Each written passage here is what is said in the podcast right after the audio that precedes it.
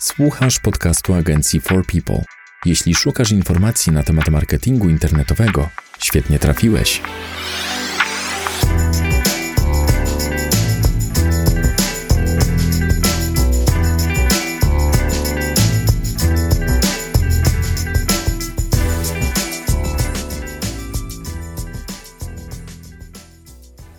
Cześć, dzień dobry. Witamy w 11 odcinku podcastu prowadzonego przez katowicką agencję marketingu internetowego For People. Z tej strony Łukasz Migura i Paweł Pawlak. Tym razem chcielibyśmy poruszyć temat kiepskiej treści na stronach internetowych. Jak naprawić podstrony z kiepską treścią? Czym jest kiepska treść? Jak jej przeciwdziałać i co może dać poprawa takiej treści na stronie?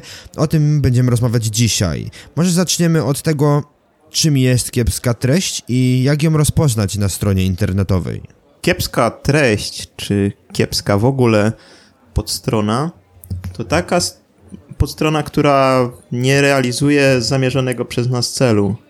Y, z jednej strony może to być widoczność, y, że dana podstrona o kiepskiej treści nie wyświetla się na wysokich pozycjach pod frazami, które nas interesują. Y, z drugiej strony może to być też niski ruch na tej stronie, który poniekąd wynika z pierwszego problemu, czyli, czyli słabej widoczności strony. Problemem też może być oczywiście konwertywność. Jeżeli, jeżeli dana strona nie konwertuje, no to a powinna, no to możemy uznać ją za właśnie kiepską. Ja ze swojej strony też y, od razu dodam do tego, co mówisz, że no kiepska strona to też jest strona niezoptymalizowana, czyli mm, nie wiem, zła struktura nagłówków, za mała ilość treści w ogóle na stronie internetowej, mm, wolno ładująca się podstrona, na przykład posiadająca mm, wiele zdjęć o dużym rozmiarze, czy brak y, opisów alternatywnych tych y, obrazów, nie wiem, tytuł źle skonstruowany, na przykład nie zawierający fraz kluczowych, adres URL e, przygotowany w bardzo nieprzyjazny sposób, e, posiadający jakiś ciąg znaków, nic nie mówiący ani użytkownikowi, ani robotom wyszukiwarki. Ale jest jeden przypadek, kiedy nie musimy zwracać uwagi na kiepskie strony. Chodzi o nową stronę. Dokładnie tak. Jakby to, o czym wspomnieliśmy, czyli właśnie te Mm, niespełnianie tego celu przez stronę słaba widoczność wcale nie musi wynikać z tego, że treść na tej stronie jest słaba, po prostu mhm. okres czasu y, od publikacji danej podstrony, czy to jest kategoria produktów, czy to jest podstrona produktu, czy to jest jakiś wpis blogowy, mm, to wszystko zależy właśnie od czasu. Jeżeli to jest treść świeżo opublikowana, nie mająca nawet miesiąca, no to raczej możemy się spodziewać że o ile to oczywiście nie jest jakiś temat niszowy, to widoczność tej strony nie będzie jakaś tam oszałamiająca. Też strona nie będzie w odpowiedni sposób konwertować, bo nawet jeżeli, jeżeli opiszemy jakiś właśnie temat, o którym nikt wcześniej nie pisał, mm, a no tak, tak jak mówię, nikt, nikt o nim wcześniej nie napisał, więc też świadomość może być niska, no to pomimo tego, że nagle po, po zoptymalizowaniu tej, tej strony yy, zacznie się na wysoko wyświetlać, no to dalej nie będzie konwertować, bo ludzie nie będą wiedzieli, że takiego rozwiązania czy takich treści w ogóle chcą szukać, nie będą wiedzieli jak mhm. ich szukać, więc po prostu nie będą mogli do nich dotrzeć. Czyli analizujemy pod tym kątem strony już z jakąś historią, nie całkiem świeże, yy, czy tam podstrony. Y, skupiamy się na, na podstronach, na adresach, które w wyszukiwarce powinny funkcjonować już jakiś czas. Myślę, że co najmniej 6 tygodni. Ja bym powiedział, że nawet y, taką, taką naj, najlepszym wynikiem takiej analizy to są strony, które w zasadzie no, nie przynoszą żadnego efektu nawet pół roku czy rok. Mm-hmm. Spojrzałbym mm, na, takie, na takie strony, bo to jest jakby, jeżeli robimy taką analizę po raz pierwszy, to możemy się cofnąć że tak powiem, głęboko w historię i, i zobaczyć po prostu, dlaczego właśnie ta strona nie, nie konwertuje, czy nie spełnia tego założonego przez nas celu. No bo jeżeli opublikowaliśmy ją pół roku temu, czy rok temu, no to to jest te 6 czy 12 miesięcy, to moim zdaniem odpowiedni okres, żeby już podjąć wniosek, mieć wniosek, że po prostu coś jest nie tak i po prostu podjąć odpowiednie działania. Ok, czyli analizujemy podstrony, które w obrębie e, strony internetowej funkcjonują już dłuższy czas, tylko jak je znaleźć, jakich narzędzi użyć, na co zwracać uwagę w narzędziach, na przykład w Google Analytics? W Analyticsie możemy znaleźć informacje na temat tego, które podstrony nie mają żadnego ruchu, czyli generują zerową liczbę sesji albo bardzo niską liczbę sesji. Yy, możemy znaleźć w zakładce zachowania i pod zakładce zawartość witryny, a następnie w kolejnej podzakładce yy, strony docelowe. I tutaj, tutaj po prostu analizując sobie te podstrony możemy zobaczyć w interesującym nas okresie czasu, czyli na przykład właśnie te wspomniane 6 czy 12 miesięcy, właśnie jak wyglądał mm, ruch na tej stronie, ta liczba sesji. Y, no, oczywiście Analytics dostarcza nam informacji na temat transakcji, czy, czy, czy w ogóle jakichś innych konwersji, na przykład wysyłki formularza, czy jakiegoś y, wysłania wiadomości e-mail, mm, wykonania połączenia telefonicznego.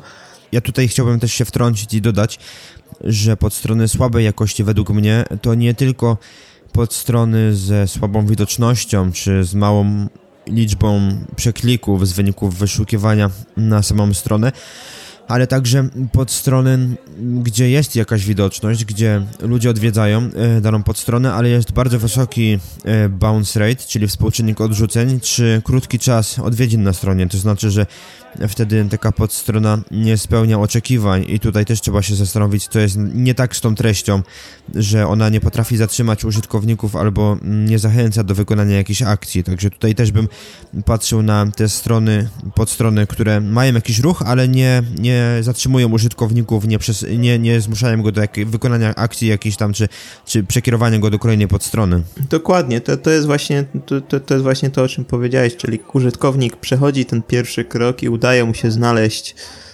naszą stronę pod interesującymi go frazami kluczowymi, natomiast nie dostarczamy mu tej treści, no i w zasadzie użytkownik robi krok w tył, mm, wraca do wyników organicznych, idzie do naszej konkurencji, więc tu masz rację, że oczywiście takimi współczynnikami świadczącymi o słabej y, jakości danej podstrony, słabej jakości treści na tej podstronie, są oczywiście współczynnik odrzuceń, no i te, ten czas spędzony na, na stronie.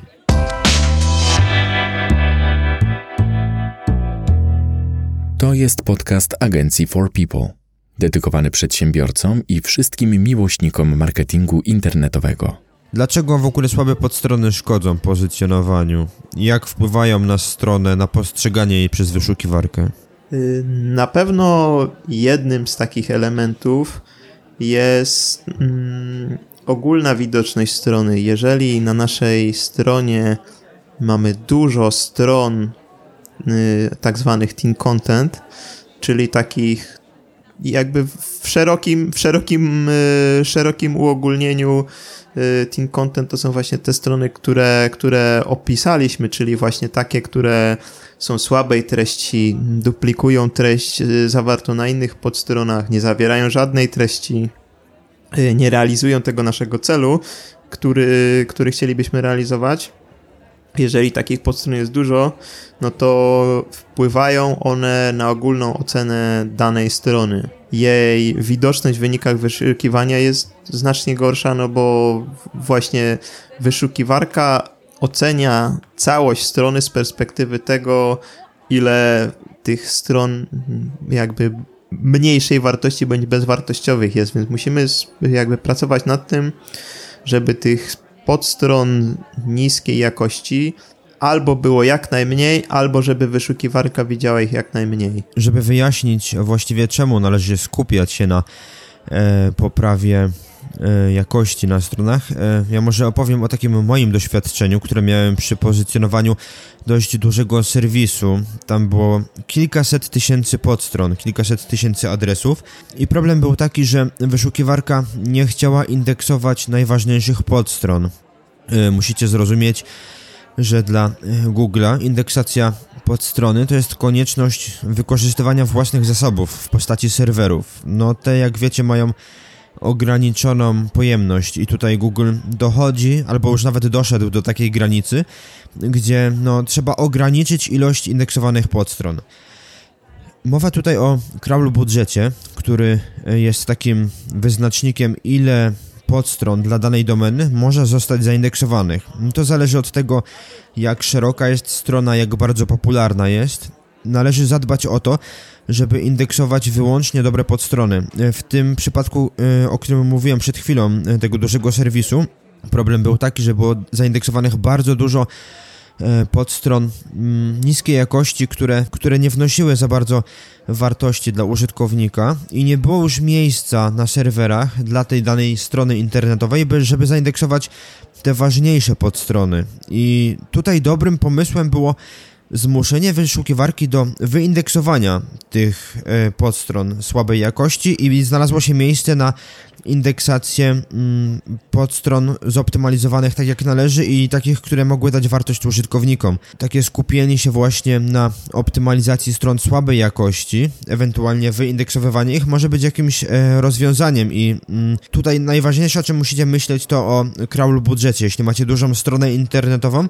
musicie sprawdzić jakie macie zaindeksowane podstrony.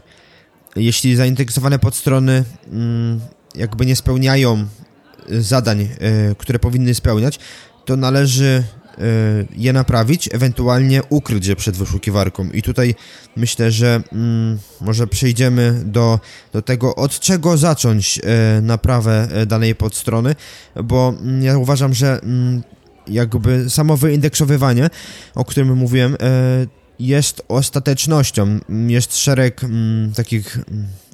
Jest szereg działań, które można podjąć, żeby żeby zainteresować na powrót Google'a i użytkowników daną podstroną, która już jest zaindeksowana, bo łatwiej jest mm, przeindeksować już zaindeksowaną podstronę z nowymi zmianami, niż indeksować nową podstronę pod frazy, pod które chcielibyśmy ją wypozycjonować. Także może powiedz Paweł, jak zacząć naprawę podstrony o słabej jakości, czy ze słabą treścią? No na pewno jakby pierwszym krokiem tej, tej naprawy oczywiście będzie ustalenie to, czego oczekujemy od danej podstrony, prawda? Ja, co chcemy osiągnąć za, za pośrednictwem danej podstrony. Y, jeżeli jest to wpis y, blogowy, jakich użytkowników, w jaki sposób chcemy przyciągnąć, ale też y, co po wejściu na tą stronę ci użytkownicy mają zrobić. Hmm. Na pewno tutaj właśnie to jest kluczowe ustalenie właśnie takiego naszego hmm, celu co, co chcemy osiągnąć i to na pewno pozwoli nam e, zro... to pozwoli nam ustalić, w jaki sposób możemy to zrobić. No bo różne cele y, sprowadzają się do tego, że rozwiązania też mogą być y, różne. Ja może też tu wykorzystam trochę taką alegorię ze scenopisarstwa. Przy tworzeniu scenariusza do filmu mm, należy zastanowić się, jakie znaczenie ma dana scena w filmie i czy posuwa akcję do przodu. Jeśli nie ma znaczenia fabularnego i nic nie wnosi, to należy ją usunąć. Ja myślę, że tak samo jest mm, z podstronami na stronie internetowej. Jeśli dana podstrona nie ma właściwie żadnej wartości dla użytkownika i mm, jest po prostu, żeby była, to wydaje mi się, że nie ma sensu utrzymać takiej strony. Trzeba znaleźć dla niej cel, jak nie ma celu, to po prostu ją e, wyindeksowujemy albo przekierowujemy. E, I tak jak mówiłeś, e, zaczynamy od ustalenia celu. Jeśli już mamy cel, to jaki jest następny krok? Istotnym elementem jest nasza konkurencja, czyli jak realizacja naszego celu ma się, ma się do, do naszej konkurencji, no bo nie ukrywajmy, w tym top 10 no jest poza nami może być jeszcze dziewięciu innych graczy, którzy mogą mieć podobny cel. Dlatego musimy na pewno ustalić, jak nasza strona ma się do konkurencji. Dlaczego konkurencja realizuje ten cel lepiej od nas? Hmm, ustalić tak zwany content gap, czyli różnicę między tym, co na swojej stronie ma konkurencja, a co, co, co my mamy, czego my w zasadzie nie posiadamy, prawda? Bo na przykład konkurencja może pokryć dany temat znacznie lepiej niż my, znacznie obszerniej, wyczerpać go, w naszym przypadku może po prostu czegoś zabraknąć i z jednej strony pozycje pod frazami kluczowymi, na, którymi, na których nam zależy, będą znacznie trudniejsze do osiągnięcia, jeżeli po prostu konkurencja będzie to robiła lepiej od nas. Więc no na pewno tutaj trzeba sprawdzić właśnie z perspektywy tych naszych celów, jak radzi sobie konkurencja. A jest jakiś sposób, w jaki możemy przygotować naszą stronę, jeśli konkurencja wyczerpała temat u siebie? Czy da się mm, rywalizować z nimi, jeśli, jeśli jesteśmy mm, młodsi na tą frazę, jeśli później chcieliśmy zaindeksować daną podstronę, jeśli mamy trochę gorszy tekst, mniej obszerny, krótszy, jak możemy walczyć z konkurencją? Znaczy też jakby analizując właśnie tą naszą stronę w porównaniu do konkurencji, musimy też zwrócić uwagę na inne czynniki. To jest y, jak, ta, jak te obie te strony są zoptymalizowane, porównać je po prostu, w jakim stopniu zoptymalizowana jest strona konkurencji, w jakim stopniu zoptymalizowana jest nasza strona w jaki sposób y, wygląda linkowanie wewnętrzne i zewnętrzne na jednej i na drugiej stronie. Chociaż z tym linkowaniem zewnętrznym może być problem dzisiaj, kiedy wszyscy używają sposobów do ukrywania yy, czy do blokowania robotów analizujących takich narzędzi jak Ahrefs czy Majestic. Ciężko przeanalizować dokładnie strony konkurencji. Tak, ale, ale, ale czasami, czasami możemy mieć też jakiś, jakiś obraz tego, yy, w jaki sposób yy, właśnie nasza, nasza strona odróżnia się od konkurencji, ale jeżeli chcemy na to spojrzeć właśnie tak typowo pod kątem tej treści, no to musimy wszystkie te zewnętrzne czynniki yy, wykluczyć. Mm, więc no, co możemy zrobić, jeżeli, jeżeli konkurencja e, lepiej e, zajęła się danym tematem?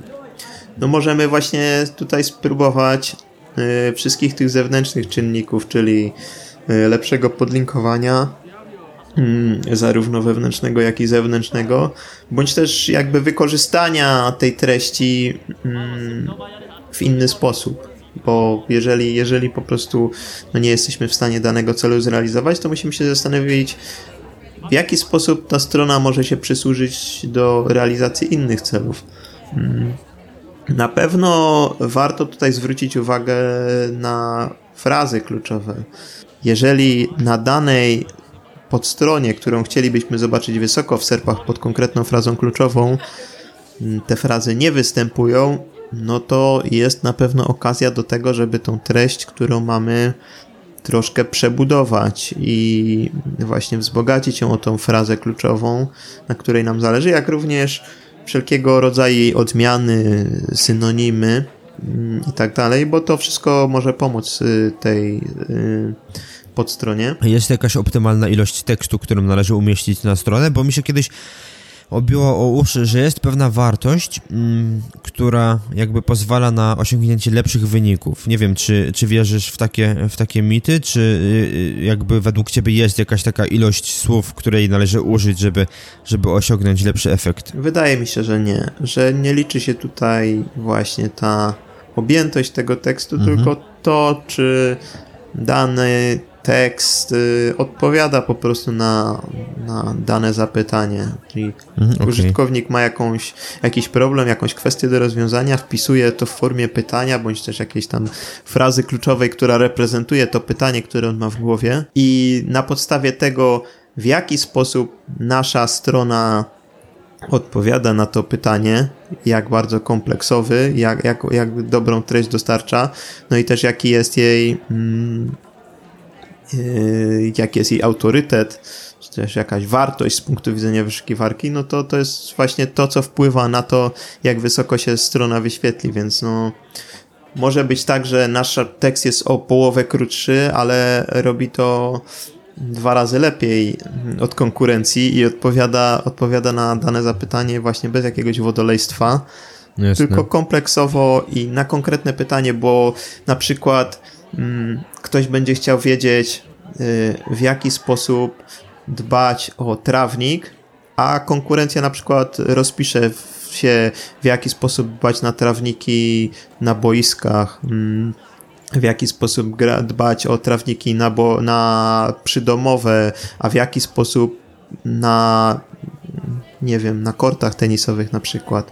Więc jakby my możemy się skupić na, na, na tym problemie właśnie tego konkretnego użytkownika, czyli człowieka, który ma ogródek i chce po prostu o trawę zadbać, no, a, a niekoniecznie interesować go będzie właśnie przebernięcie, jak, jak zadbać o boisko piłkarskie czy o tort, y, kort tenisowy.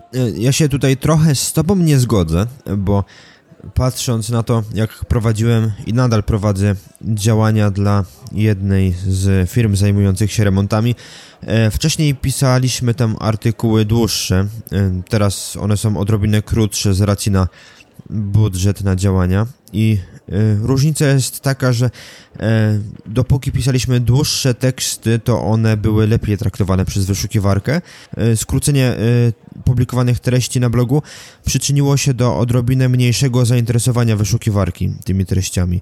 Także wydaje mi się, że mm, według mnie długość tekstu ma znaczenie i tutaj chciałbym ze swojej perspektywy powiedzieć, że teksty powyżej 10 tysięcy znaków są chyba lepiej traktowane przez wyszukiwarkę niż te, które są poniżej. To też zależy od branży, od tematu, jasna sprawa. Jeśli dana fraza nie jest wystarczająco pokryta przez konkurencję, to tutaj i takie 2-3 tysiące znaków zro zrobią robotę, ale przy konkurencyjnych branżach chyba walczyłbym na dłuższe teksty i próbował jakoś, tak jak mówisz, wyczerpywać temat, żeby mm, użyć odpowiedniej ilości synonimów czy odmian danej frazy, no konieczny jest dłuższy tekst i, i tutaj próbowałbym czasami z dłuższym tekstem. Także, tak jak mówisz, wodolejstwo nie jest dobre, ale dłuższa treść pozwoli na mm, większą liczbę synonimów po prostu w treści. Tak mi się wydaje, to jest moje zdanie.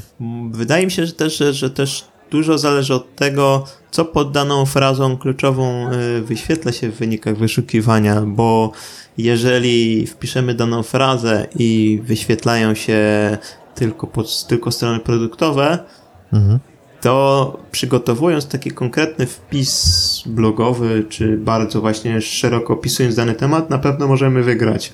Natomiast jeżeli w, danej, w danym przypadku y, właśnie wyświetlają się same wpisy blogowe, a my chcemy tutaj powalczyć stroną produktową, no to już nie może nie być tak łatwo, no bo nie opiszemy produktu na 10 tysięcy znaków, prawda? No tak, to jest problem, tak, tu, tu, tu nie przeskoczymy.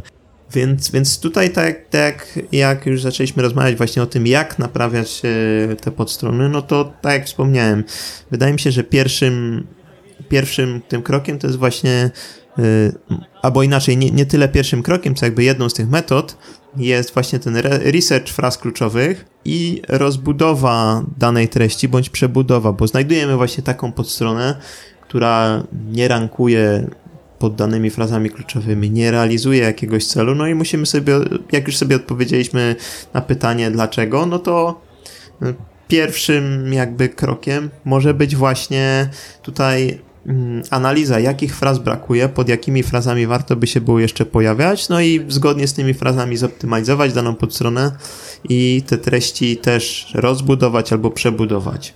Mm, innym sposobem na naprawę danej podstrony, czy też danego, y, danej treści, jest zastanowienie się, czy ta treść, którą mamy na tej stronie, po prostu nie może zasilić mm, lepszej podstrony.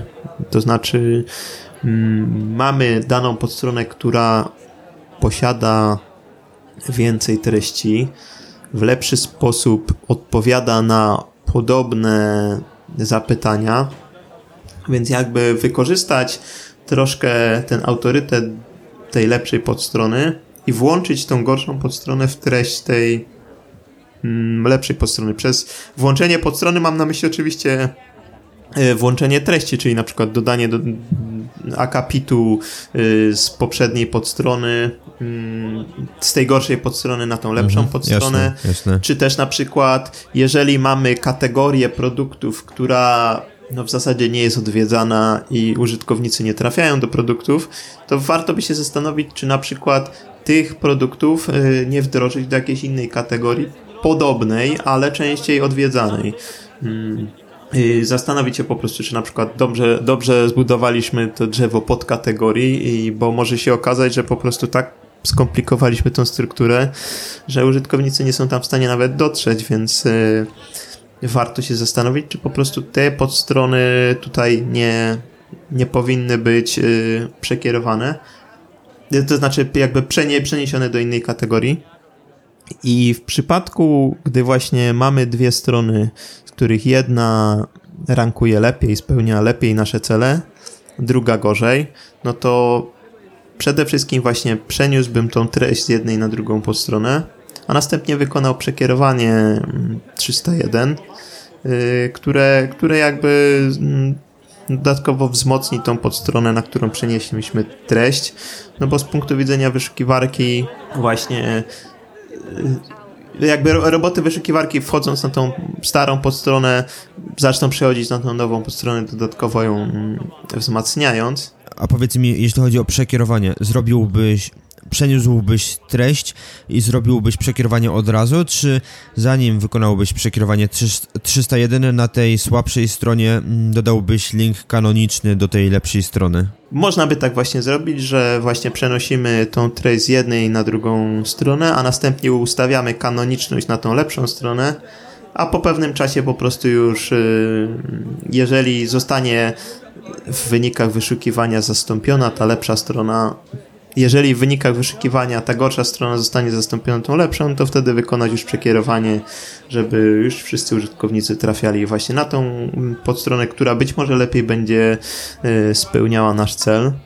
Y, innym rozwiązaniem jest też po prostu y, zabronienie robotom wyszukiwarki do wchodzenia na tą stronę i indeksowania jej czyli ustawienie e, jej parametrów no index, no follow. Oczywiście mm, no follow już od jakiegoś czasu nie jest komendą, tylko takim, mm, można powiedzieć, informacją, bo, bo roboty wyszukiwarki już jakby troszkę ignorują mm, to no follow i wchodzą sobie e, na daną podstronę, ale już na przykład komenda no index daje im informację, że no na danej, dana podstrona nie powinna się znaleźć w indeksie, co w pewnym stopniu, jak już mamy właśnie takie podstrony, no, z którymi nic więcej nie możemy zrobić, no to po prostu ustawić tam no index, no follow, żeby te zasoby y, wyszukiwarki nie były po prostu na to marnowane.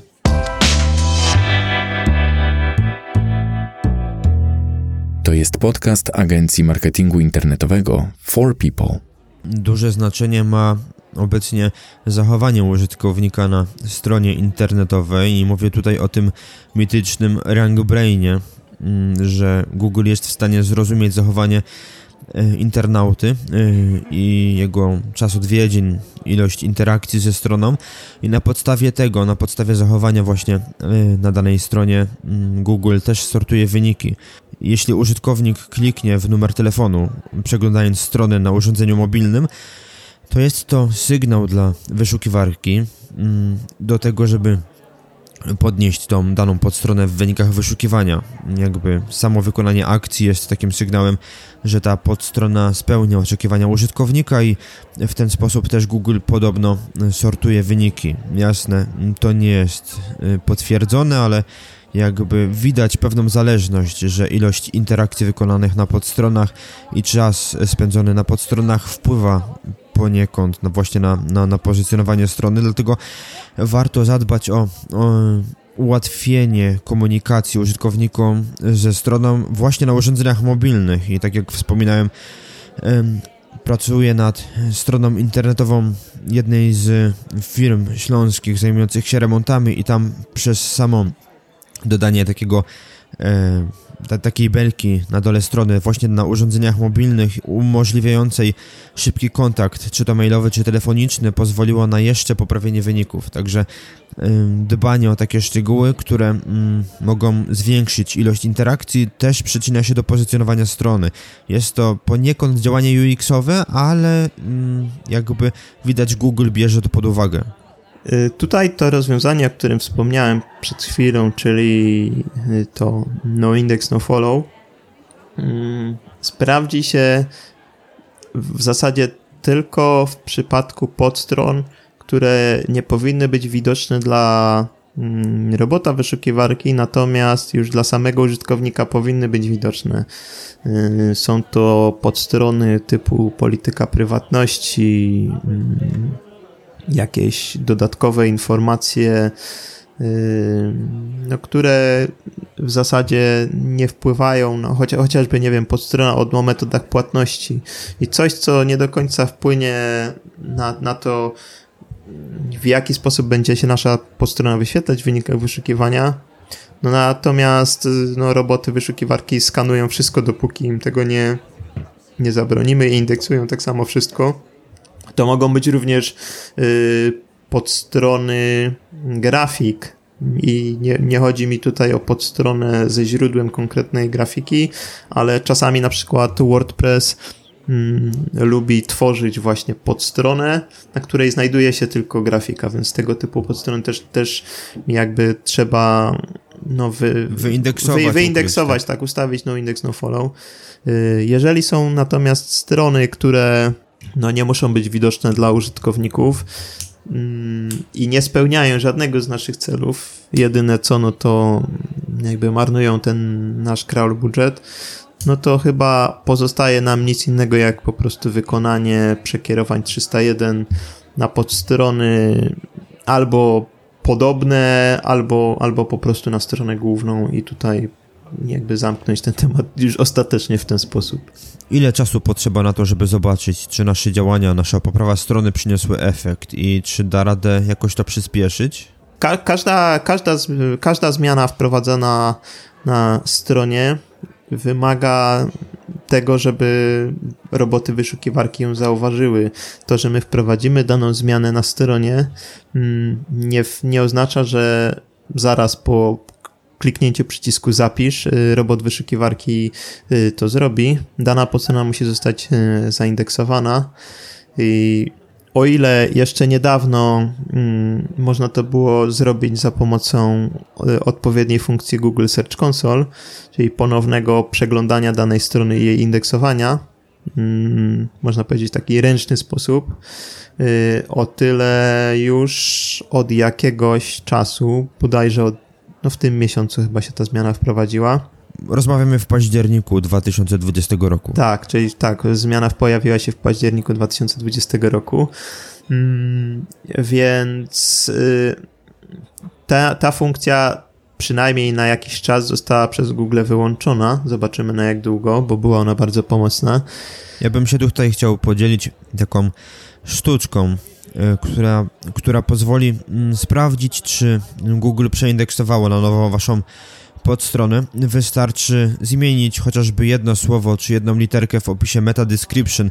Jeśli Google E, indeksowało waszą podstronę mm, z opisem, albo na przykład wykorzystajcie sobie komendę site dwukropek i wpiszcie adres, adres waszej domeny, e, zobaczycie listę wyników. Jeśli pojawi się wasza podstrona e, z tą małą zmianą, to znaczy, że Google ją przeindeksował i był już na tej stronie.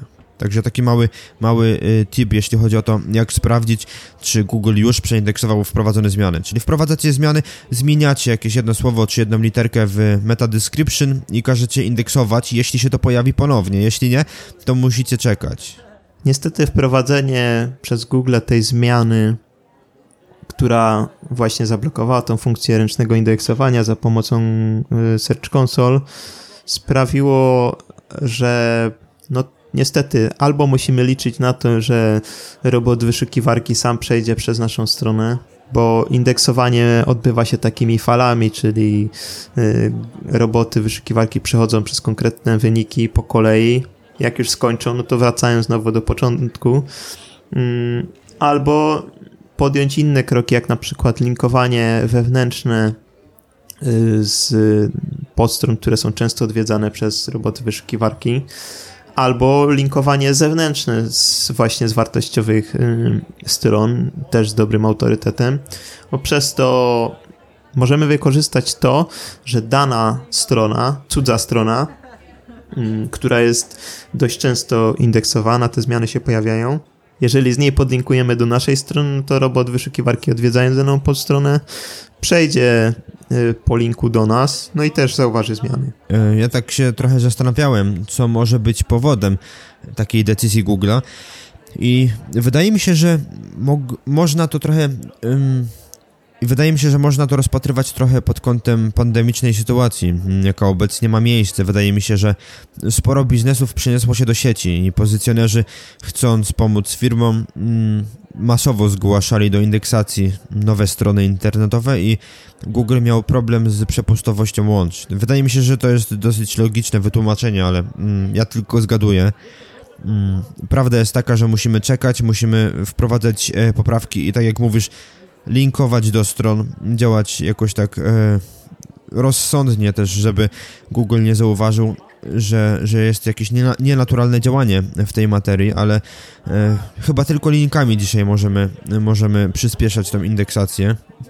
Ja tutaj na sam koniec chciałbym podkreślić, może trochę wbrew temu, co mówiłeś, ale z przekierowaniami czekajmy. Na 301 zawsze przyjdzie czas, a wykorzystanie przekierowania 301 jest trochę ostatecznością i jeśli uznacie, że ta podstrona słabszej jakości jeszcze by się do czegoś nadała, w przyszłości na przykład, może warto wykorzystać przekierowanie 302 albo mm, po prostu ją na chwilę ukryć, nie wiem. E, ja nie jestem takim fanem 301 e, na już, bo raz się na tym przejechałem i wiem, że potem trochę szkoda takiej podstrony, bo po jakimś czasie można zauważyć w niej wartość, może trochę ją przeredagować. Nie, nie bez powodu wspomniałem o tej metodzie na samym końcu. Jeżeli jest taka możliwość, no to yy, spróbujmy wszystkich tych innych kroków, które pozwolą nam z tej danej podstrony wycisnąć nieco więcej. Jeżeli nic z tego nie pomaga, no to oczywiście wtedy dopiero ostateczność tam pozostaje. Mm, natomiast chyba warto na koniec zwrócić uwagę, że mm, elementy, o których wspomnieliśmy na poprawę, to nie są takie elementy, które poprawimy za jednym zamachem i od razu. Może się okazać, że daną podstronę będziemy musieli poprawiać kilka razy, y, aż osiągniemy oczekiwane wyniki. Tak jest często z wpisami blogowymi y, jeżeli mamy jakiś właśnie tekst typu evergreen, czyli taka treść, która jest wiecznie wie, jakby, jakby nie, nie poddaje się mm, czasowi. aktualizacji. Tak, mhm. nie trzeba, jej, nie trzeba jej specjalnie aktualizować, ale można ją rozbudowywać, mm, no to właśnie może się okazać, że ten daną podstronę będziemy musieli kilka razy zaktualizować, aby właśnie osiągnąć ten, ten cel, którym, który chcemy nią zrealizować.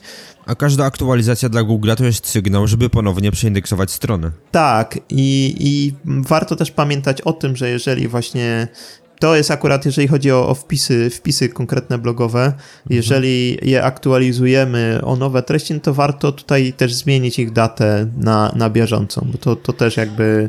Mm, daje sygnał, że, że to nie jest jakaś treść napisana 10 lat temu, ale została wzbogacona o jakiś tam akapit, tylko można powiedzieć, że dajemy wyszukiwarce sygnał, ok, siedliśmy do tego tematu ponownie, przeanalizowaliśmy, zaktualizowaliśmy i dzisiaj publikujemy ponownie jako nową treść. Jednym słowem, skupiamy się na jakości, jeśli chodzi o własną stronę internetową. W pozycjonowaniu chodzi głównie o to, żeby wasza strona była jak najlepiej zoptymalizowana, skupiajcie się na własnych stronach internetowych. To ma duże znaczenie. Analizujcie konkretne podstrony, sprawdzajcie, jak użytkownicy się na nich zachowują i to już przyniesie efekt. Linkowanie później, już po optymalizacji, jest sygnałem dla wyszukiwarki, żeby zindeksować podstronę, zwłaszcza dzisiaj, kiedy wyłączyli funkcję ponownej indeksacji. Yy, mam nadzieję, że chociaż po trochu odpowiedzieliśmy na pytanie, jak radzić sobie z kiepskimi treściami na stronie internetowej i w jaki sposób można je poprawić. Yy, to był jedenasty odcinek podcastu katowickiej agencji marketingu internetowego For People. Z tej strony Łukasz Migura i Paweł Pawlak. Dzięki za uwagę i do usłyszenia już wkrótce. Trzymajcie się. Cześć. To był podcast agencji marketingu internetowego For People. Dziękujemy za uwagę. Wolisz czytać niż słuchać? Zapraszamy na stronę naszego bloga marketingdlaludzi.pl. A jeśli potrzebujesz pomocy z promocją firmy w internecie, odwiedź naszą stronę forpeople.pl. Zapraszamy do wysłuchania następnych odcinków. Do usłyszenia.